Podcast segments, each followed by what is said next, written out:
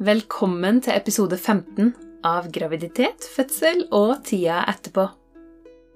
Mitt navn er Anette Hummel, og i dag har jeg med meg generalsekretær Lena Yri Engelsen og psykologspesialist Gro Vatne Brean i Landsforeninga 1001 dager.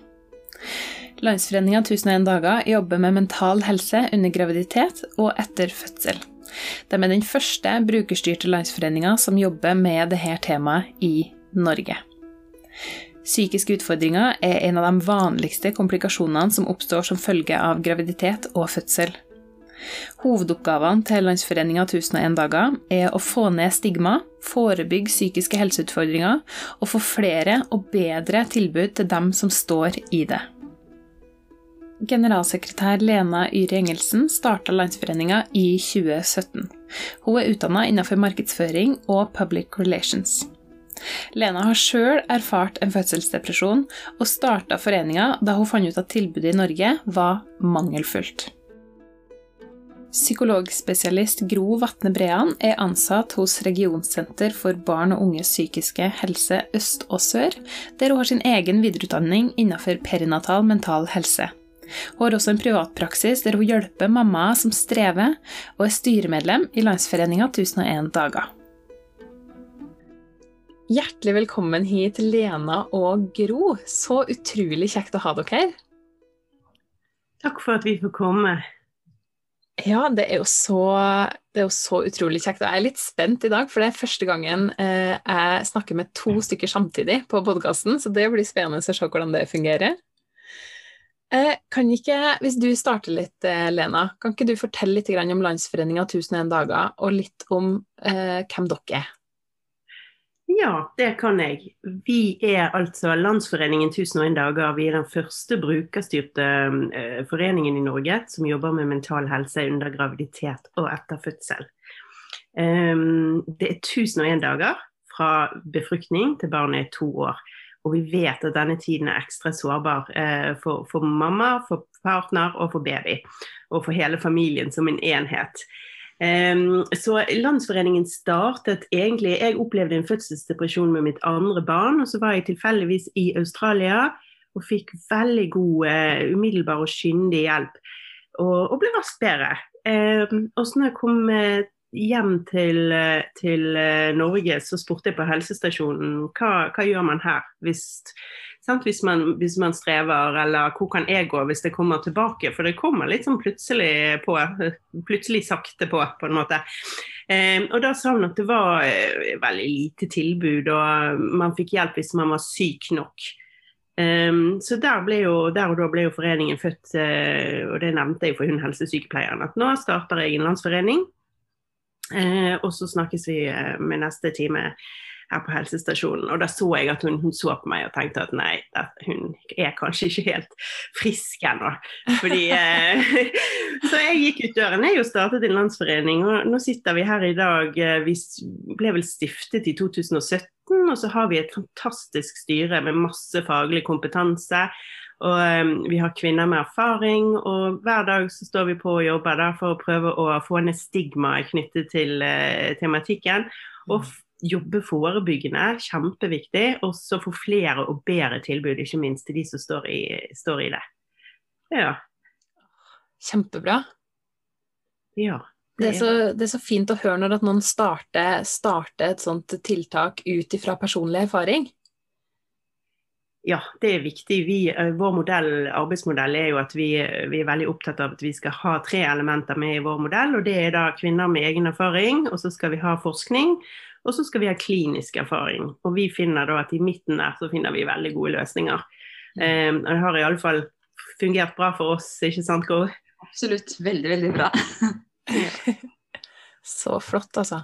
Men, og jeg har jobbet med dette veldig veldig, veldig lenge. Og det var jo først når vi liksom kom i kontakt med Lena, som også har disse brukererfaringene, var jeg da virkelig greide å få mer gjennomslag, og at dette, disse krevende temaer blir mer lyttet til da, på absolutt alle nivåer i, i samfunnet. Ja, det er Gullet ligger jo mellom som Lena sier, mellom på en måte brukererfaring, forskning og klinisk erfaring. Mm. Hva, hva, er grunnen til at, eh, til at man trenger den der egenerfaringa? Ja, det kan man jo lure på. Lena, hva tror du?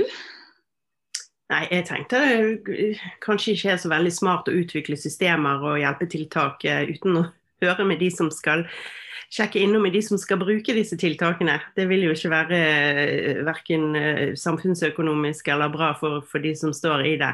At noen skal komme og belære de med eh, sin viten, da, uten å på en måte helt ha gått inn i og vært på det stedet, eller prøver å forstå hva disse kvinnene og menn går igjennom eller står i. Mm. Og det andre er jo at veldig, veldig mange kjenner seg En ting er at veldig mange kjenner seg igjen i disse historiene. Så når noen kvinner tør å fortelle sine historier, så opplever jo andre, både, både kvinner, gravide, nybakte mødre, eh, partnere, men også bestemødre, tanter og onkler, og de som jobber oppover i systemene, kjenner jo også igjen elementer av historien. Og da blir det jo enda sterkere. Det er jo, noe, det er jo noe som vi alle kan kjenne på. Deler av en historie kan alle kjenne på. Mm. Ja, og så er det Det var han der filosofen jeg husker på mitt første møte med Helsedirektoratet. Så dro jeg opp et sitat fra um, var det Kirkegård som, sant, eh, at eh, hjelpekunst, kunsten i all hjelpekunst eh, Hvis man skal kunne hjelpe noen, så må man møte dem der de er. og da trenger man denne erfaringen, da. Ja. ja. Det tror jeg er helt riktig, altså. Jeg tror det er kjempebra. Og så er det så viktig at de, at de historiene blir fortalt. Uh, hvorfor, hvorfor, uh, hvorfor, er det viktig at vi snakker om psykisk helse rundt svangerskap, barsel og småbarnstid? Jeg, jeg, tenker jo at øh, det vi er opptatt av i, i, i, denne perioden, er jo at alle kvinner, og også de aller fleste menn, går gjennom en ganske stor endring. Man tenker at det skjer det vi kaller en mental reorganisering.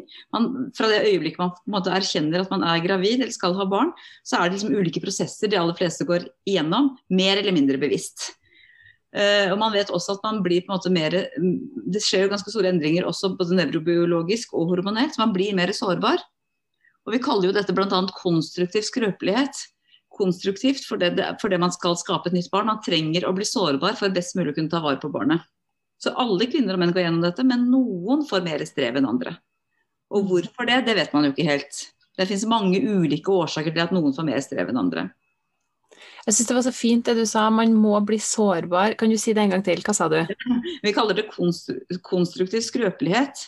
Sånn at man må på en måte bli mer sårbar for å kunne ta best mulig vare på barnet sitt. Ja. Det skulle bare gått sånn den vanlige fulle farten vi går i, til vanlig, så er vi ikke godt nok til stede verken for det ufødte eller det nyfødte barnet. Mm. Så man blir gjennom den prosessen faktisk bedre til å tåle monotonien. For det er, ganske, det er jo ganske Man skal gjøre mye av det samme om og om og om igjen. For det er det barnet trenger. Mm. Og det blir vi bedre til å tåle da i løpet av svangerskapet. Ja. Wow. Det var, det var så fint. Jeg syns det var så flott sagt. Nydelig. Jeg fikk lyst til å bare si én ting til, eller i mm. forlengelsen av det jeg sa, og i, som et svar på det du sier. Jeg har et sånt mantra når man jobber med svangerskap og psykisk helse. Eh, at, at, det å være gravid og det å være nybakt mamma handler på en måte om angst og nytelse. Mm. Det, er jo, det, er jo, skummelt, det er gjennomgripende. Det er, det er kjempeskummelt å føde, men det er også helt fantastisk. Så det handler litt om at man må kunne greie å balansere mellom angsten og nytelsen. Mm. Og for noen blir det på en måte mer angst, mer strev, mange vonde tanker. Og man greier på en måte ikke å balansere det opp, og det er jo da man, man, trenger, da, da man trenger, hjelp. da. Ja. ja. ikke sant. Jeg vil bare skyte inn der, Gråt. Det, det er faktisk en av de vanligste komplikasjonene som følge av graviditet og etter fødsel. Um, og Derfor er det så viktig at vi snakker om det og, og, og deler våre historier, sånn at ikke man føler seg så alene. Det er viktig å, å, prate om det og dele disse erfaringene også. Og så er jeg veldig veldig takknemlig for egentlig at vi nå lever i en tid der vi ikke trenger å liksom sugarcoate det å være mamma, og at det er lov å komme ut og si at OK, i dag så var det ikke noe OK å være mamma, eller at det er lov nå. Det var det ikke før. Så det er en ny tid, og, og vi har på en måte sprukket hull i den ballongen der alt skal være så perfekt, og det synes jeg er veldig OK. Spesielt med, med perinatal mental helse, som er da psykisk helse under graviditet og etter fødsel. Fordi at det er så mange som kjenner på det. Og da er det enda viktigere at vi prater om det. Mm, ja, absolutt. Kjempeviktig. Så bra. Eh, men hvilke typer, hvilke psykiske helseutfordringer er det som er det folk får i denne perioden? Man snakker jo ofte om fødselsdepresjon eller barseldepresjon. Eh, og, og, og, det ligger jo på en måte i, i, depresjonsbegrepet så ligger det jo en opplevelse av at, mange, at man skal være nedstemt. Mm. Men, men, det mange strever med etter fødsel, er jo Noen kan streve med nedstemthet, men det er også mye angst og mye uro, vonde tanker. Um, og noen, noen, blir jo også veldig alvorlig syke. Noen kan jo bli psykotiske. Og da, da kan du jo ikke ta vare på barnet i mm. starten i det, i, det, i det, hele tatt. Det er, jo, det er også alvorlig psykisk lidelse, men det er også mye av dette litt lettere strevet, men som for den enkelte kan føles veldig, veldig vanskelig. Og da tror jeg, som jeg sa, så er det liksom både angsten og uroen og av og til nedstemthet som er liksom gjennom, gjennomgripende, da. Mm. Mm. mm. Men jeg tenker sånn så eh, min oppfatning, Bo, jeg vet ikke om Ja, du, du kan jo også eh, svare på dette. Men min opp, altså angst og depresjon henger jo sammen, ikke sant. Men eh, sånn så med min egen erfaring, da, så var jeg mye mer oppe enn nede. Fordi jeg hadde jo svært lite kunnskap om psykisk helse når, når jeg ble syk. Og, eh, så jeg tenkte jo at en depresjon, da ligger man i sengen, man bare gråter, alt er svart, og det er sånn hele tiden. Men det er jo ikke tilfellet. Det kan være dager som man er relativt eh, oppegående og til og med i godt humør, og så kan det komme tilbake igjen. Mm. Eh, og jeg, var, jeg vil si at med meg så begynte det med angst, da. Uh, og da var jo jeg veldig aktiv. jeg, var, jeg ryddet hus og holdt på og var mye redd og brukte mye All energien min gikk til dette, da, så jeg ble utslitt etter hvert. ikke sant? Og da kommer denne sengen inn. Eh, fordi at kroppen og hodet bare rett og slett ikke orker, må ha pause. Og så fikk jeg ikke sove. Sant? Så man blir jo helt fysisk utslitt også. Mm. Så, men sånn, jeg vet ikke, Gro. Det, jeg føler at jeg treffer mer på kvinner som er oppe enn nede. Helt enig med deg. Og at man på en måte fortrenger Man fortrenger jo, man kjenner ikke selv egentlig hvor vanskelig man har det. Ved å på en måte løpe rundt og gjøre alle de, de riktige tingene i hermetegn. For å kanskje slippe å kjenne på det som egentlig er vanskelig, eller tørre å erkjenne at nå har jeg det egentlig vanskelig. Mm. Og jeg, jeg, tror på en måte at akt, angst og ikke minst uro er noe som kjennetegner mye. Mange av de kvinnene som jeg snakker med, strever, med det. Og så blir det til slutt helt utslitt, som du sier. Og så kommer kanskje, blir man kanskje også etter hvert noe mer nedstemt. Mm. Men, men, men, det varierer. Og jeg tror det er veldig veldig viktig å være klar over at ikke det, ikke, ikke, det, er mange som ikke kjenner på nedstemthet i det hele tatt. Mm. Mm. Også dette tankekjøret som vi ofte hører om. Altså at man er, man er, helt utslitt og ligger seg for kvelden, og så bare går hodet som en eh, Det bare spinner. Sant? Ja. Klarer ikke å stoppe. Så får man ikke sove, og så Det er et rødt, rødt flagg. Ja. ja. Mm. Søvnproblemer, eller det å ikke få sove, er jo en utfordring i denne tiden. Og, og er, folk, de aller fleste kvinner sover jo mindre enn vanlig. barn skal ha mat så og så mange ganger i løpet av døgnet. Og, og, det, og, det, tåler man på en måte. Men så er det når man sover i det hele tatt, eller det blir veldig veldig mye brudd i søvnen, at man ikke kommer noen ganger inn i noen god søvn, så er det jo varsko, varsko, varsko.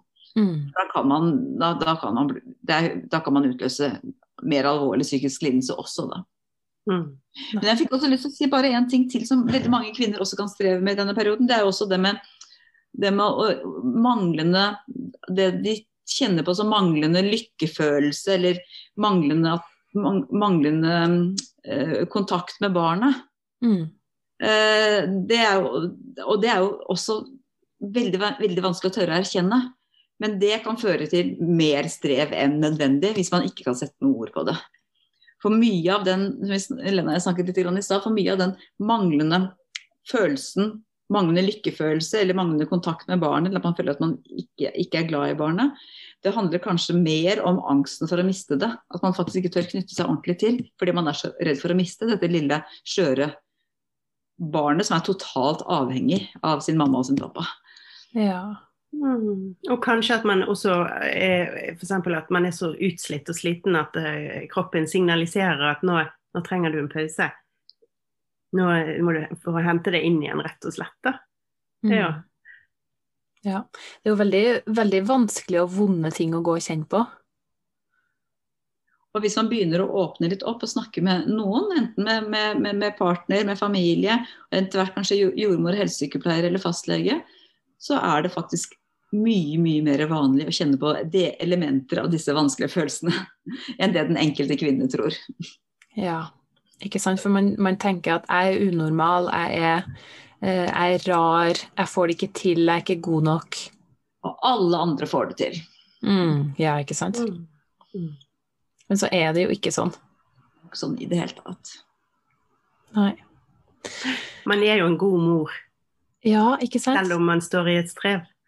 Og eh, sant, kjenner man ikke på de gode følelsene akkurat der og da, så få hjelp, prat med noen, og så kommer det. Eh? Og da er det så fint å vite at eh, dette, Nå har jo jeg studert dette temaet i tre år og lest og lest og lest.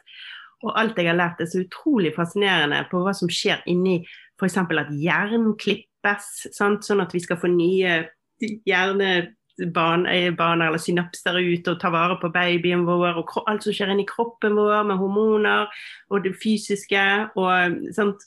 redebyggingen. Det er jo så mye eh, som kan gå galt, egentlig. Ja. Eh, men så, så, så, så da gjelder det å fokusere på alt man har fått til, faktisk. Mm. Ja. Eh, og vite at OK, gå og spør om hjelp, og så får vi jobbet med disse tankene, og så kommer vi oss i en bedre balanse. Ja, kjempeviktig. Og det er jo, eh, som dere sier, så er, det, så er det ganske vanlig å kjenne på de tingene her i større eller mindre grad. Mm. Eh, men hvordan, hvordan vet man hva som, er, altså hva som er normalt, og når man bør oppsøke hjelp? For litt sånn, altså barselstårer er jo ganske normalt. Man tenker sånn at psykisk helse perinatalperioden er langs et kontinuum. Fra den to-tre dagers er barseltårene som er sånn tidlig, som er som du sier, veldig veldig normalt, til på en måte grader av mer og mer alvorlig, alvorlig lidelse. Eh, Og det å kjenne på litt angst og, angst og uro, og streve litt med denne balansen mellom angst og nytelse, tenker jeg helt, det er liksom innafor. Men så er det på en måte, hvis, hvis dette opptar veldig, veldig mye tid, hvis det er som vi ser litt sånn gjennomgripende, hvis det tar veldig veldig mye fokus vekk fra de vanlige gjøremålene dine, det du vanligvis pleier å gjøre i løpet av en dag, så er det ok å snakke med noen. Mm. Og da begynner med de nærmeste, ikke sant? og så er det, er det eventuelt fastlege, jordmor, helsesykepleier. Og få litt hjelp til å kartlegge er dette på en måte, bør jeg ha enda mer hjelp. Ja, nettopp. For det er dem du går til da, helsesykepleier, jordmor, fastlege. Det er, det er liksom første, det er, det er første, første skritt på veien. Ja. Veldig mange jordmødre har en god utdanning i, og, og god kunnskap i psykisk helse, og kan tilby det som heter støttesamtaler. Mm. Og, og, og, noen har, har det ikke. Og da må man kanskje gå videre. Ja. Men eh, hvordan, hvordan ser det ut da, hvis man, hvis man går til støttesamtale f.eks., eller går videre? Hva, hva kan man forvente hvis man ber om hjelp? Og det er dessverre en av grunnene til at Landsforeningen 1001 finnes. At det er veldig veldig varierende fra, bare fra bydel til bydel, fra fylke til fylke, fra sted til sted, og kanskje også innad i helsestasjonen i forhold til hvem, hvem man møter. Så det er veldig veldig varierende. Og får du avslag eller får du på en måte nei til, til hjelp, så sier jeg alltid for tiden spør en gang til. Mm. Eller som Lena sier, Jeg, jeg, syns det er veldig viktig at eh, hvis, man, hvis man opplever at man ikke får eh, god hjelp, så ta kontakt med pasient- og brukerombudet. Eh, og de eh, vil hjelpe deg med å utforme en klage. da. Og det er veldig viktig, fordi at da får eh, f.eks. helsestasjon eller sykehus eller hvor det måtte være, beskjed om at OK, her har vi vi har eh, kvinner eller menn som opplever at de ikke får god nok hjelp. Og får de mange nok klager, så må man opp, opprette en sak og, og se nærmere på det. Og det trenger vi mange, mange steder i Norge. Så, så kontakt pasient- og brukerombudet, og de er veldig dyktige og veldig flinke til å hjelpe. Og så kan man gjøre det inntil tre år etter fødsel. Ok. Ja, så det er viktig å gi beskjed. fordi det, det, det som vi ofte tenker på, er jo at når man står i et strev og akkurat har fått en baby, og sånn, så er man liksom ikke på det stedet at man har krefter til å, å klage. Så, eh, så eh, for noen til, Derfor er de der for å hjelpe, hjelpe da, pasient- og brukerombudet. Ja, så gjør det. Husk på det, alle sammen. Kjempebra. Sånn, tilbake til det man kan forvente, da, det er jo da å få, få en jordmor eller helsesykepleier som, som kan forstå deg og hjelpe deg. Ellers er det å da bli henvist til DPS eller spy- og småbarnsteam på BUPA kommunepsykologer eller eventuelt ulike gruppetilbud på helsestasjoner. Det er jo alle steder som, hvor noen kan masse om dette, og noen kan ikke noe om det i det hele tatt. Så man, det er en liten jobb, dessverre, for den enkelte kvinne å utforske hva er det som finnes i mitt nærmiljø. Mm. Mm. Og vi i landsforeninger prøver å bidra til å ha oversikt over hva som finnes, men, men det er en lang vei å gå. Ja, for det er jo en stor jobb å samle all den informasjonen. Hva er, som, eh, hva er det som gjør at noen opplever psykiske eh, helseutfordringer i forbindelse med svangerskap og fødsel, og andre ikke gjør det i det hele tatt? Og det, det, vi bruker ofte begrepet en biopsykososial modell for å forstå, for å forstå strev.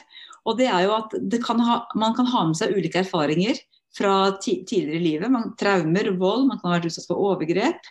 Eller man kan ha med seg en generell sårbarhet. Og så kan svangerskapet på en måte utløse utfordringer, eller fødsel kan utløse utfordringer. Og så tenker man at etter fødsel så er det jo liksom det som heter forverrende eller opprettholdende faktorer.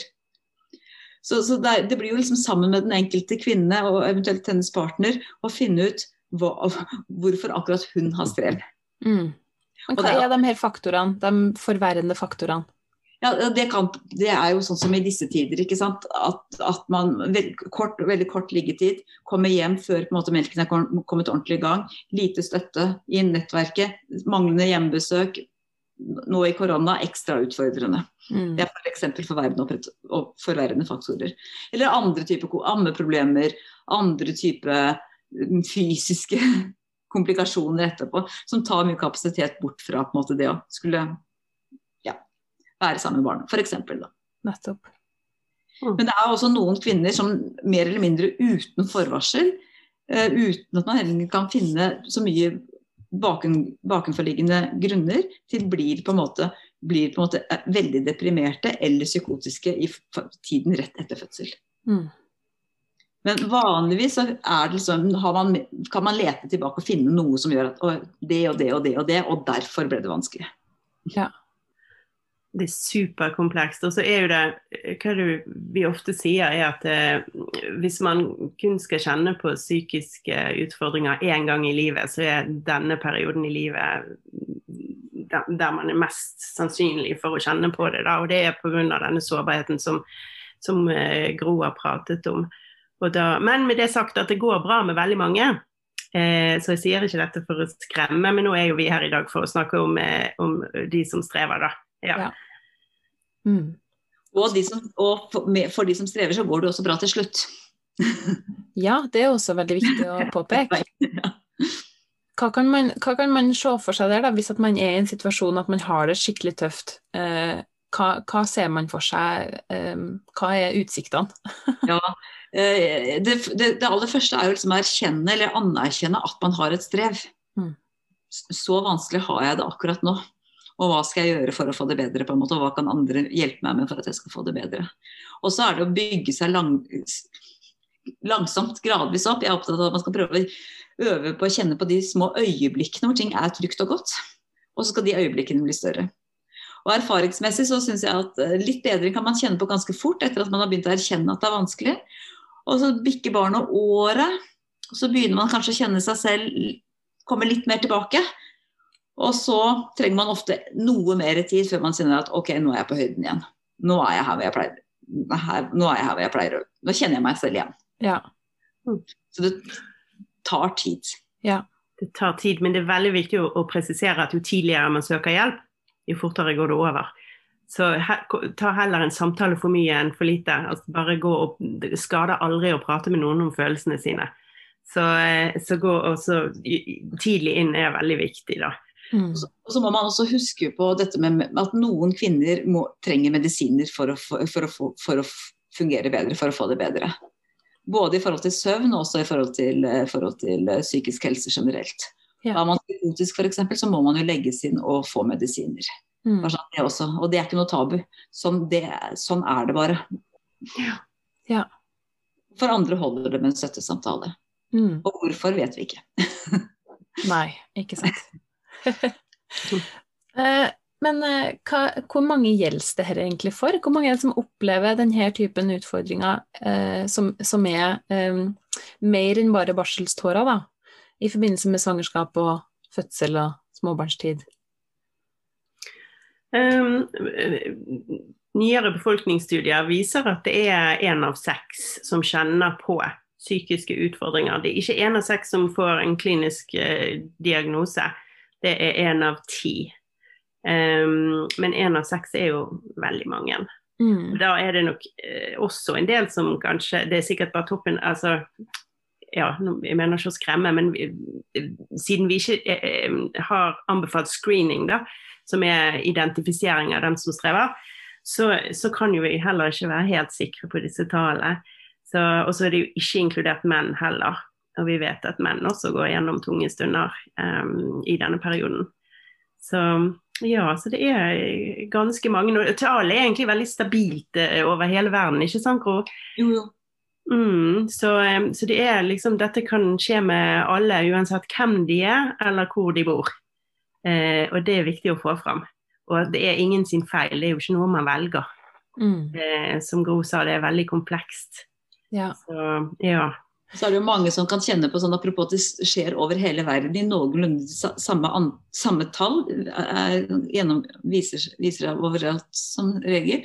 Og så er det jo mange som jeg opplever som jeg snakker med, som kjenner de, de har jo liksom den perfekte babyen. De har jobb, de har verdens beste barsel, barselpermisjon. Mm. Og så allikevel så kjenner de på at ting er vanskelig. Og så får man dårlig samvittighet pga. det, og så blir det bare verre. Men mm. Den enkelte kvinnes opplevelse og erfaring er det som er viktig. Hennes subjektive opplevelse av hvordan hun har det, er viktigere enn hva andre måtte mene, og ikke minst hvordan naboen måtte ha det. Ja. ja. Det er morsomt at du sier det, for jeg, nå fikk jeg det sånn flashback til når jeg satt på stranden i Australia, bare verdens nydeligste strand og fantastisk temperatur og solnedgang. og og satt og gråt. Og fant liksom ingen glede. Jeg satt i paradis literally og gråt. Um, og det, sant, det, viste jo sånn som jeg eh, Det snakker vi også om, jeg og Gro, veldig ofte. at sant, det er liksom Når systemet først blir overtent, da, er, da trenger man profesjonell hjelp til å få det tilbake igjen. Ikke noe man klarer sjøl. Jeg begynte jo på yoga, jeg begynte på, med naturmedisin. Eh, jeg prøvde akupunktur, jeg var hos legen. Jeg prøvde alt mulig før jeg en dag innså at nei, dette går faktisk ikke. Jeg, eh, jeg, jeg kjenner nesten ikke meg sjøl igjen. og sant? Jeg var mye sint, og um, ikke på barna, men på, på, på voksne. Ikke, sant? Jeg følte meg ikke sett og hørt og sånn. Så eh, det hadde fint lite å si at jeg var på den stranden eller var på dette fantastiske stedet i dette fantastiske landet. Det, liksom, det fikk jeg ikke med meg. Jeg kjente bare liksom på at dette er vanskelig, og alt, alt går så fort. Um, ja. Og så skulle det ikke så mye til for å bli bedre, da. Uh, og da kom jo gleden, selvfølgelig. Så ja, igjen, prat med noen som helst som har kunnskap innen perinatal mental helse, da. Ja. Mm. Ja, kjempeviktig. Og viktig å få fram det, tror jeg. At, eh, at Be om hjelp, ikke sitte med det alene. Mm. Kjempeviktig. Men det, jo, det, kan jo være ganske vanskelig, for det er jo et fryktelig skambelagt tema. Man skal liksom være så lykkelig, og det gikk jo bra med barnet, og du har jo fått et friskt barn, og det er jo ingenting å være, å være bekymra for, ingenting å være lei seg for, ikke sant? Mm. Men hva er det, hva er på en måte, hvorfor er det så skambelagt? Og er det ikke derfor det er så viktig å snakke om det? For at alle kvinner alle, og veldig mange av deres partnere altså kjenner, jo, kjenner, jo, på veldig mye av dette strevet. Mm. Det, er fell, det, er jo fellesmenneskelig å, å ha del, deler av det. Og så er det jo også sånn Vi er jo laget litt sånn for å reprodusere oss selv. Og det er kanskje en grunn til at når, når man da ikke får det akkurat til sånn som forventet, mm. så blir det, blir det kommer denne skammen frem. Som er, er bare, er, gjør det jo bare verre. Ja. Så jeg tror så mer lys og luft inn, mer lys og luft vil, vil kunne på en måte gjøre ting mindre skammelig, da. Ja. Men, men, men det er, det er, vi har en lang vei å gå. Ja, det er litt sånn der, for meg sikter litt sånn inn i sjelen, liksom, at sant, dette gjorde ordentlig vondt, at jeg ikke mestret dette. Eh, ja, jeg pleier å si litt sånn motorsag gjennom sjelfølelse. Fordi at man ville så gjerne og hadde så høye forhåpninger, og, og så krasjer man. Mm. Eh, og det er, er, er vondt eh, på så mange nivåer. Mm. Eh, så det er veldig viktig det som Gro sier, å liksom komme til det stedet der du anerkjenner at OK, her Nå gjør det vondt. Jeg trenger hjelp. Og, eh, og så kan man begynne på, på, på veien videre. Og den kan være tung, men eh, det er absolutt verdt det. Mm. Og jeg opplever veldig ofte når jeg snakker, snakker med kvinner som på en måte har holdt alle disse vanskelige følelsene helt inni seg og ikke tort å dele det med noen, og så kommer de og snakker, kommer de og snakker med meg. Eh, og så begynner de liksom å sette, se, begynner å sette litt ord på det, og så blir det, da, da blir det jo litt, litt lettere. Og så Etter hvert så øver de seg også da på å si det litt til venner, og etter hvert kanskje også på, på arbeidsstedet, ikke minst, kan være veldig vanskelig. Mm. Og opplever du når de børs- først begynner å åpne seg, at det er jo så mange som deler erfaringen deres. Ja. Og sånn tenker jeg at det er jo veien å gå for å få For å senke skamfølelsen, da. Mm. Mm. Så tenker jeg En ting vi i Landsforeningen har veldig lyst til, det er jo å starte grupper da, rundt omkring i Norge. fordi at om man føler seg litt nedstemt, så er det ikke så enkelt å gå i vanlig barselgruppe. Um, da er det greit å på en måte snakke med, kanskje snakke med andre som har noenlunde like erfaringer som de sjøl. Finne det fellesskapet og oppleve mestring sammen og forståelse. og ja, Kvinner som hjelper kvinner osv. Um, så vi håper jo at en dag, Gro, så skal vi få det på plass. Absolutt. Det jobber vi for. Og jeg tenker En annen ting i forlengelsen av det, også i forlengelsen av skam, skambegrepet, det er jo dette at vi automatisk har veldig lett for å sammenligne oss med hverandre. Det begynner jo å gjøres som ganske, ganske små. Ikke sant? I et sånt utviklingsperspektiv så sjekker man liksom hva gjør den andre i forhold til meg. Og det ligger jo også mye i, denne, i, mamma, i mammarollen. da. At man tror som jeg sa i stad, at man tror den andre får til alt. Og Mm. utenpå så så ser man jo veldig vellykket ut, og så ser man ikke det. Alt det indre strevet. Og det å dele det indre strevet da med andre som også har noe strev, gjør det jo mye lettere enn i denne enn i vanlig barselgruppe f.eks. Ja. Ja. Også, også hvis man ikke hvis man har det helt superdupert, så er det greit å høre på denne episoden likevel. fordi at sjansen for at noen, jo, sånt, noen av, en av venninnene kanskje står i dette, er jo eh, relativt stor. Så da er det greit at man har litt kunnskap, sånn at man kan støtte venninnen sin eller naboen sin eller hvem, hvem det enn måtte være. Mm. ja. Kan det, også, kan det også være sånn at, eh, at etter fødsel at den som har født, eh, har det helt fint, men partner får det vanskelig? Det kan det absolutt være. Vi har, ikke, vi har vel ikke gode nok tall, eller jeg, jeg tør ikke referere til noen eksakte tall i forhold til hvor mange partnere som får det vanskelig, men vi vet jo at både fedre og, med, fedre og medmødre kan på en måte også få, få psykisk strev. Mm. Det kan utløses i forbindelse med utløses både i, i forbindelse med svangerskapet, men også, også i forbindelse med fødsel. Og da er det veldig, veldig viktig å huske på dette at fødselen er jo gjennomgripende både for mor og far. Og det å være med partner på en fødsel og se partner være i strev, og også hvis det skjer et traume f.eks., Mm. akutt keisersnitt, mor og barn forsvinner, det kan skape veldig, veldig mye angst og uro hos den som sitter igjen. Og at dette er man heller ikke så veldig flink til å snakke om eller, eller fange opp, verken på barselavdelingen eller, eller, eller på helsestasjonen etterpå. Så at partner også må få en plass i dette arbeidet er kjempeviktig. Kjempeviktig. Og så er det også det eh, jeg har hørt, eh, inkludert meg sjøl, og jeg har hørt mange kvinner som sier at når, de ble, når kvinnene blir friske, så, så, så, så slipper mannen taket da, på en måte og, og krasjer litt sjøl. Mm. Fordi at det er så heftig å, å liksom, ja, være den som har ansvar for alt da, eh, i en periode. Eh, spesielt hvis man ikke har støtte og sånt rundt seg. Så eh, jeg husker at Michael eh, liksom sa til meg at nå, nå er du You're back in business. så, nå, så nå slipper jeg litt. Og da jeg husker han begynte å gråte. Og ja, det var, og så tenkte jeg at det er jo helt naturlig etter alt det vi har vært igjennom, at du selvfølgelig har fått, har fått bygget opp mye følelser inni deg som eh, vi også må bearbeide. Mm. Så ja, litt av en oppvask i vårt hjem. Ja, og ikke bare hos dere, jeg tror hos mange.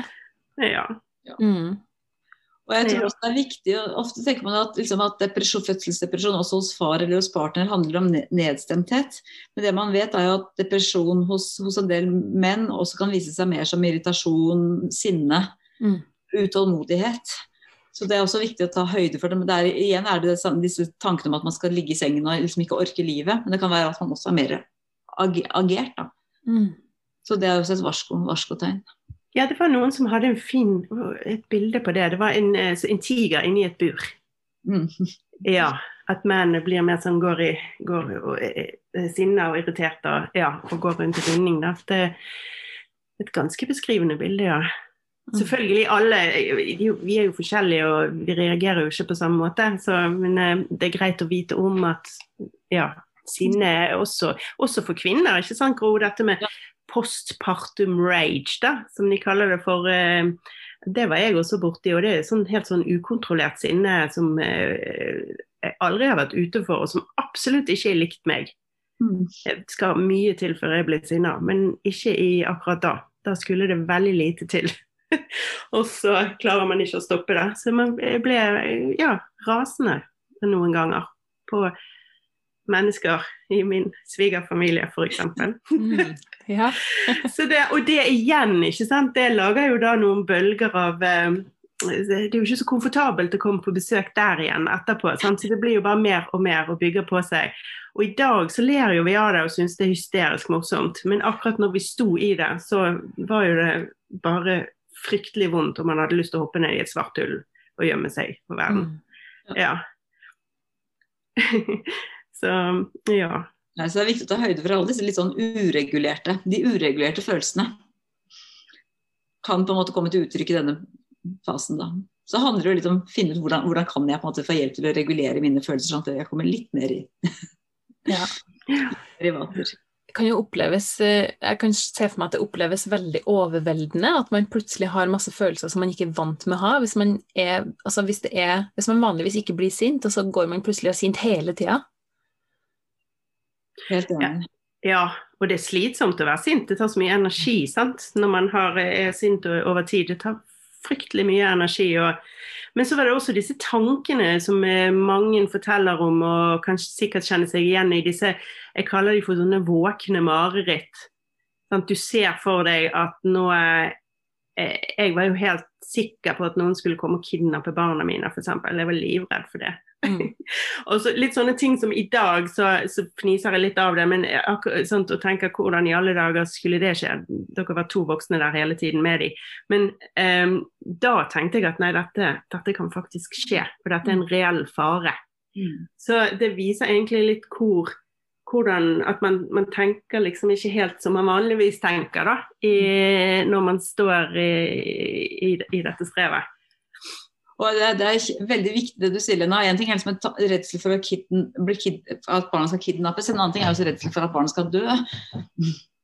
Eller at man selv skal forårsake at barnet dør, som jo også er ekstremt vanskelige tanker.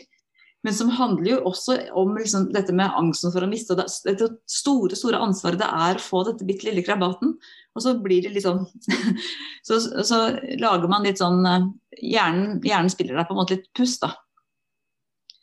Og gir deg disse, disse veldig krevende tankene. Og, og det er jo liksom sånn når du, du sa sånn, Lene, at du trodde jo faktisk at det var sånn at barnet kunne bli kidnappet. Og når man faktisk tror at det er en reell fare, det er jo da man begynner å tenke at OK, nå, nå må jeg kanskje snakke med noen om det. Ja, litt redd for å miste barnet sitt, det er jo helt naturlig. ikke sant? Og, og tenke at ok, jeg kan ikke sette vogn der, for da kan noen komme og ta vognen. Det er også helt naturlig. Men så er det jo når når man liksom ikke greier å roe seg selv ned, eller at andre kan roe ned, da blir det jo kanskje viktigere å tenke at man trenger noen å dele, dele disse tankene med.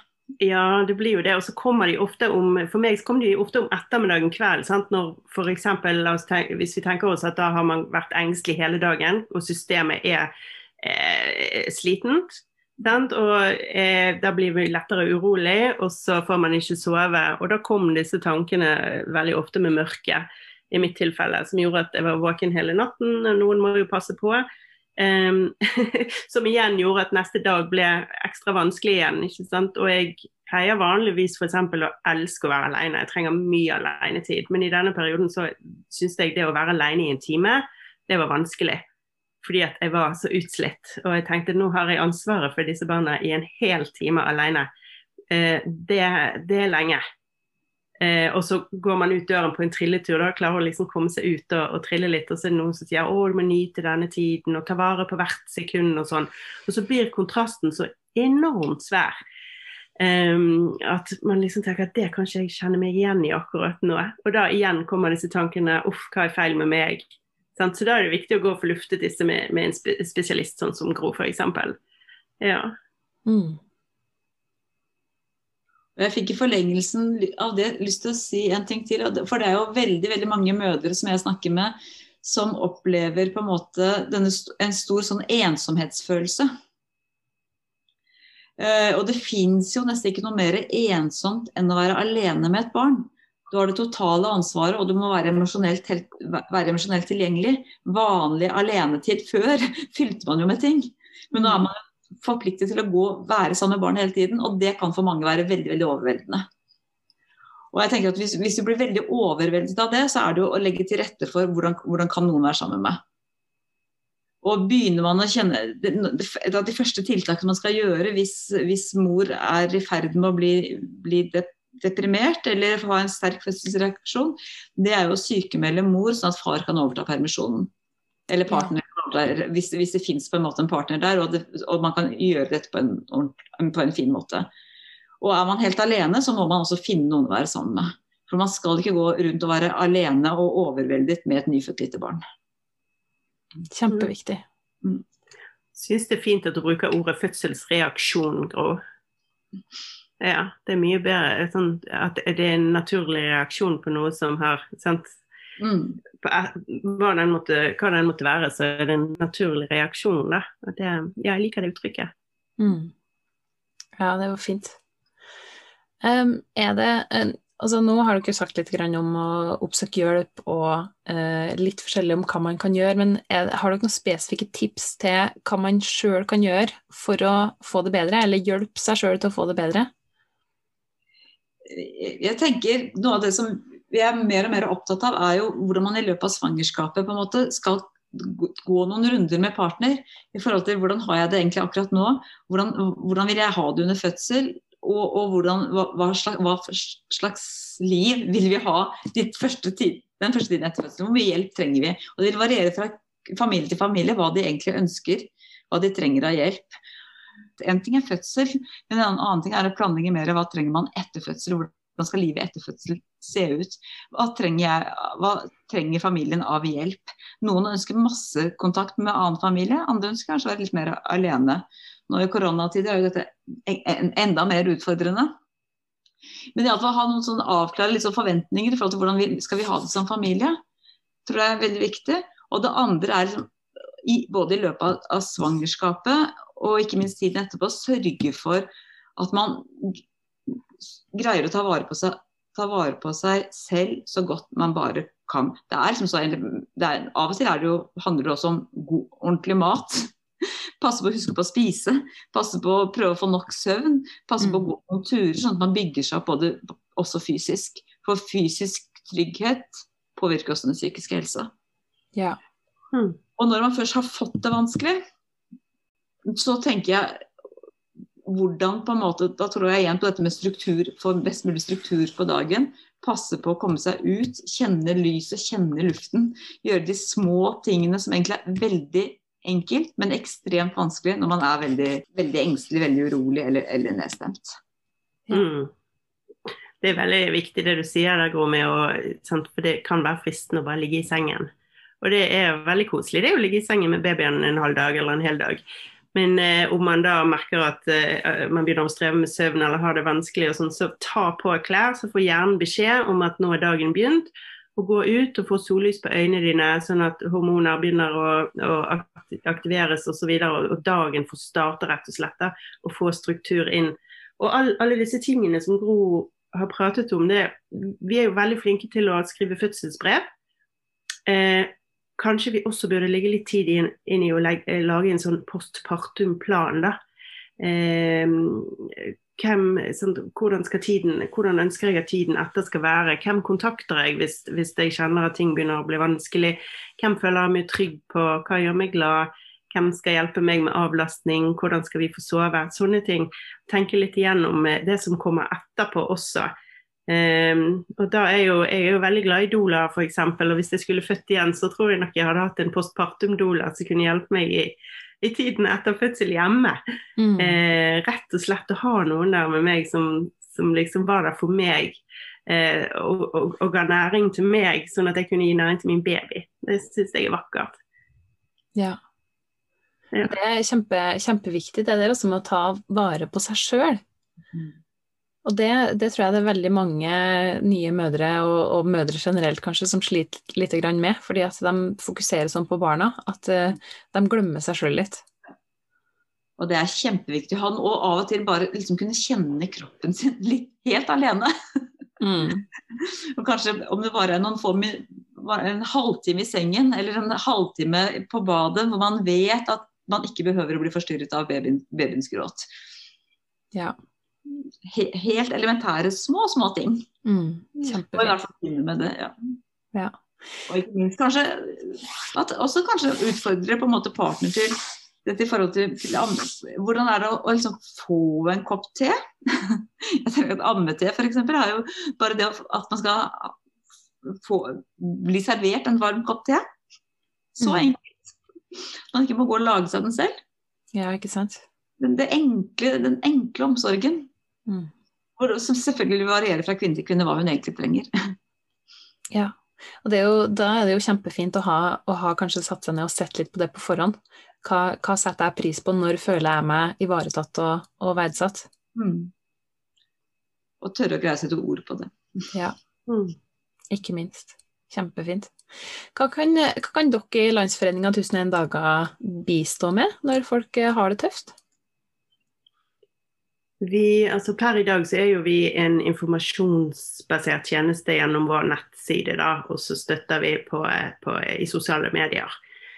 Um, vi holder foredrag rundt omkring i landet, vi deltar på konferanser.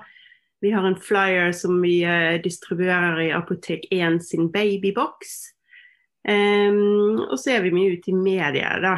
Um, og det er det vi kan tilby i dag. Nå er jo vi uh, vi må, vi må, vokse litt til, og vi har um, 1001 planer på vårt tegnebrett. Og eh, en av de viktigste for meg og Gro er jo dette å få grupper på plass, da, sånn at uh, man kan møtes fysisk og, og prate det ut.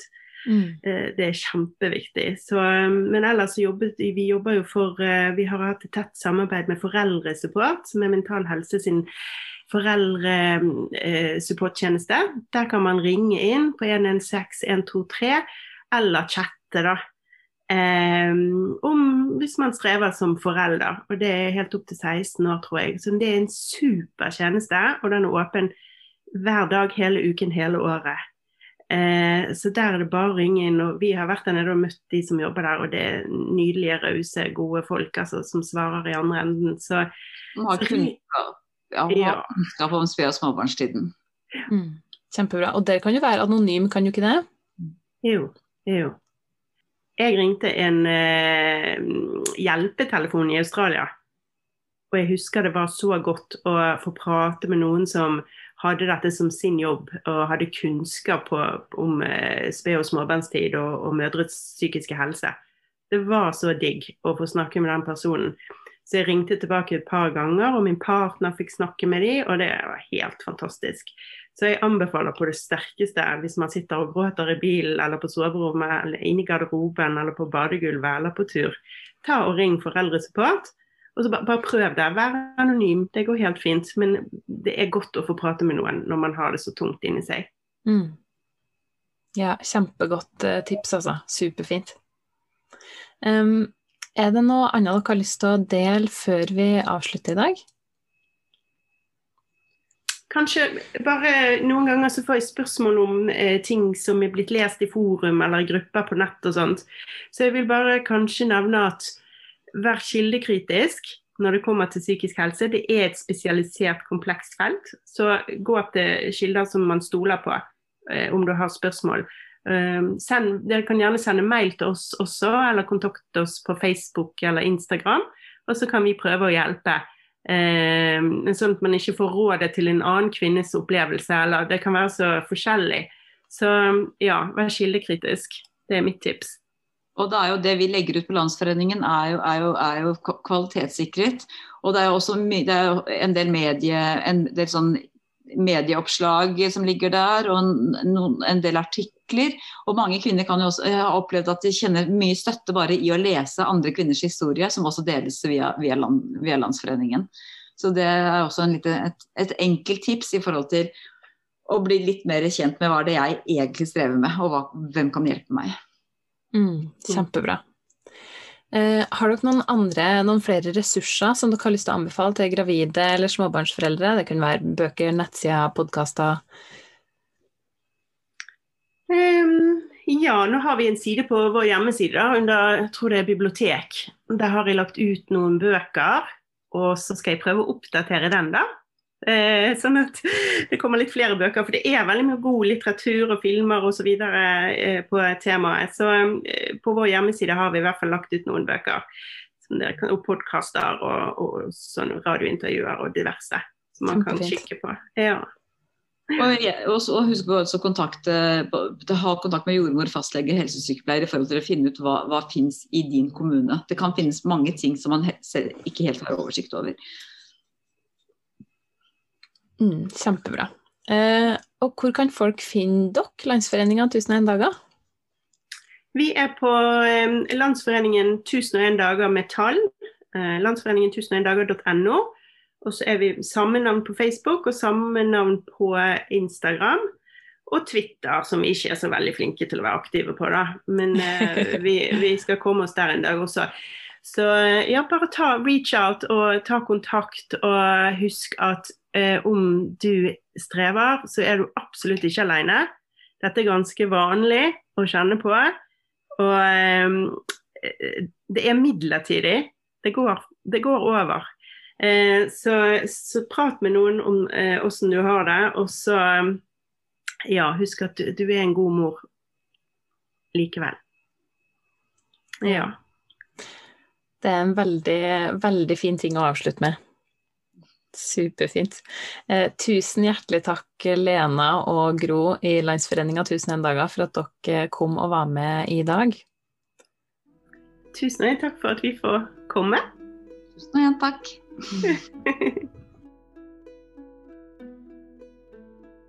takk for at du hørte på graviditet, fødsel og tida etterpå. I neste ukes episode så har jeg med meg Kristina Eng Hauge, og vi snakker om babytegn.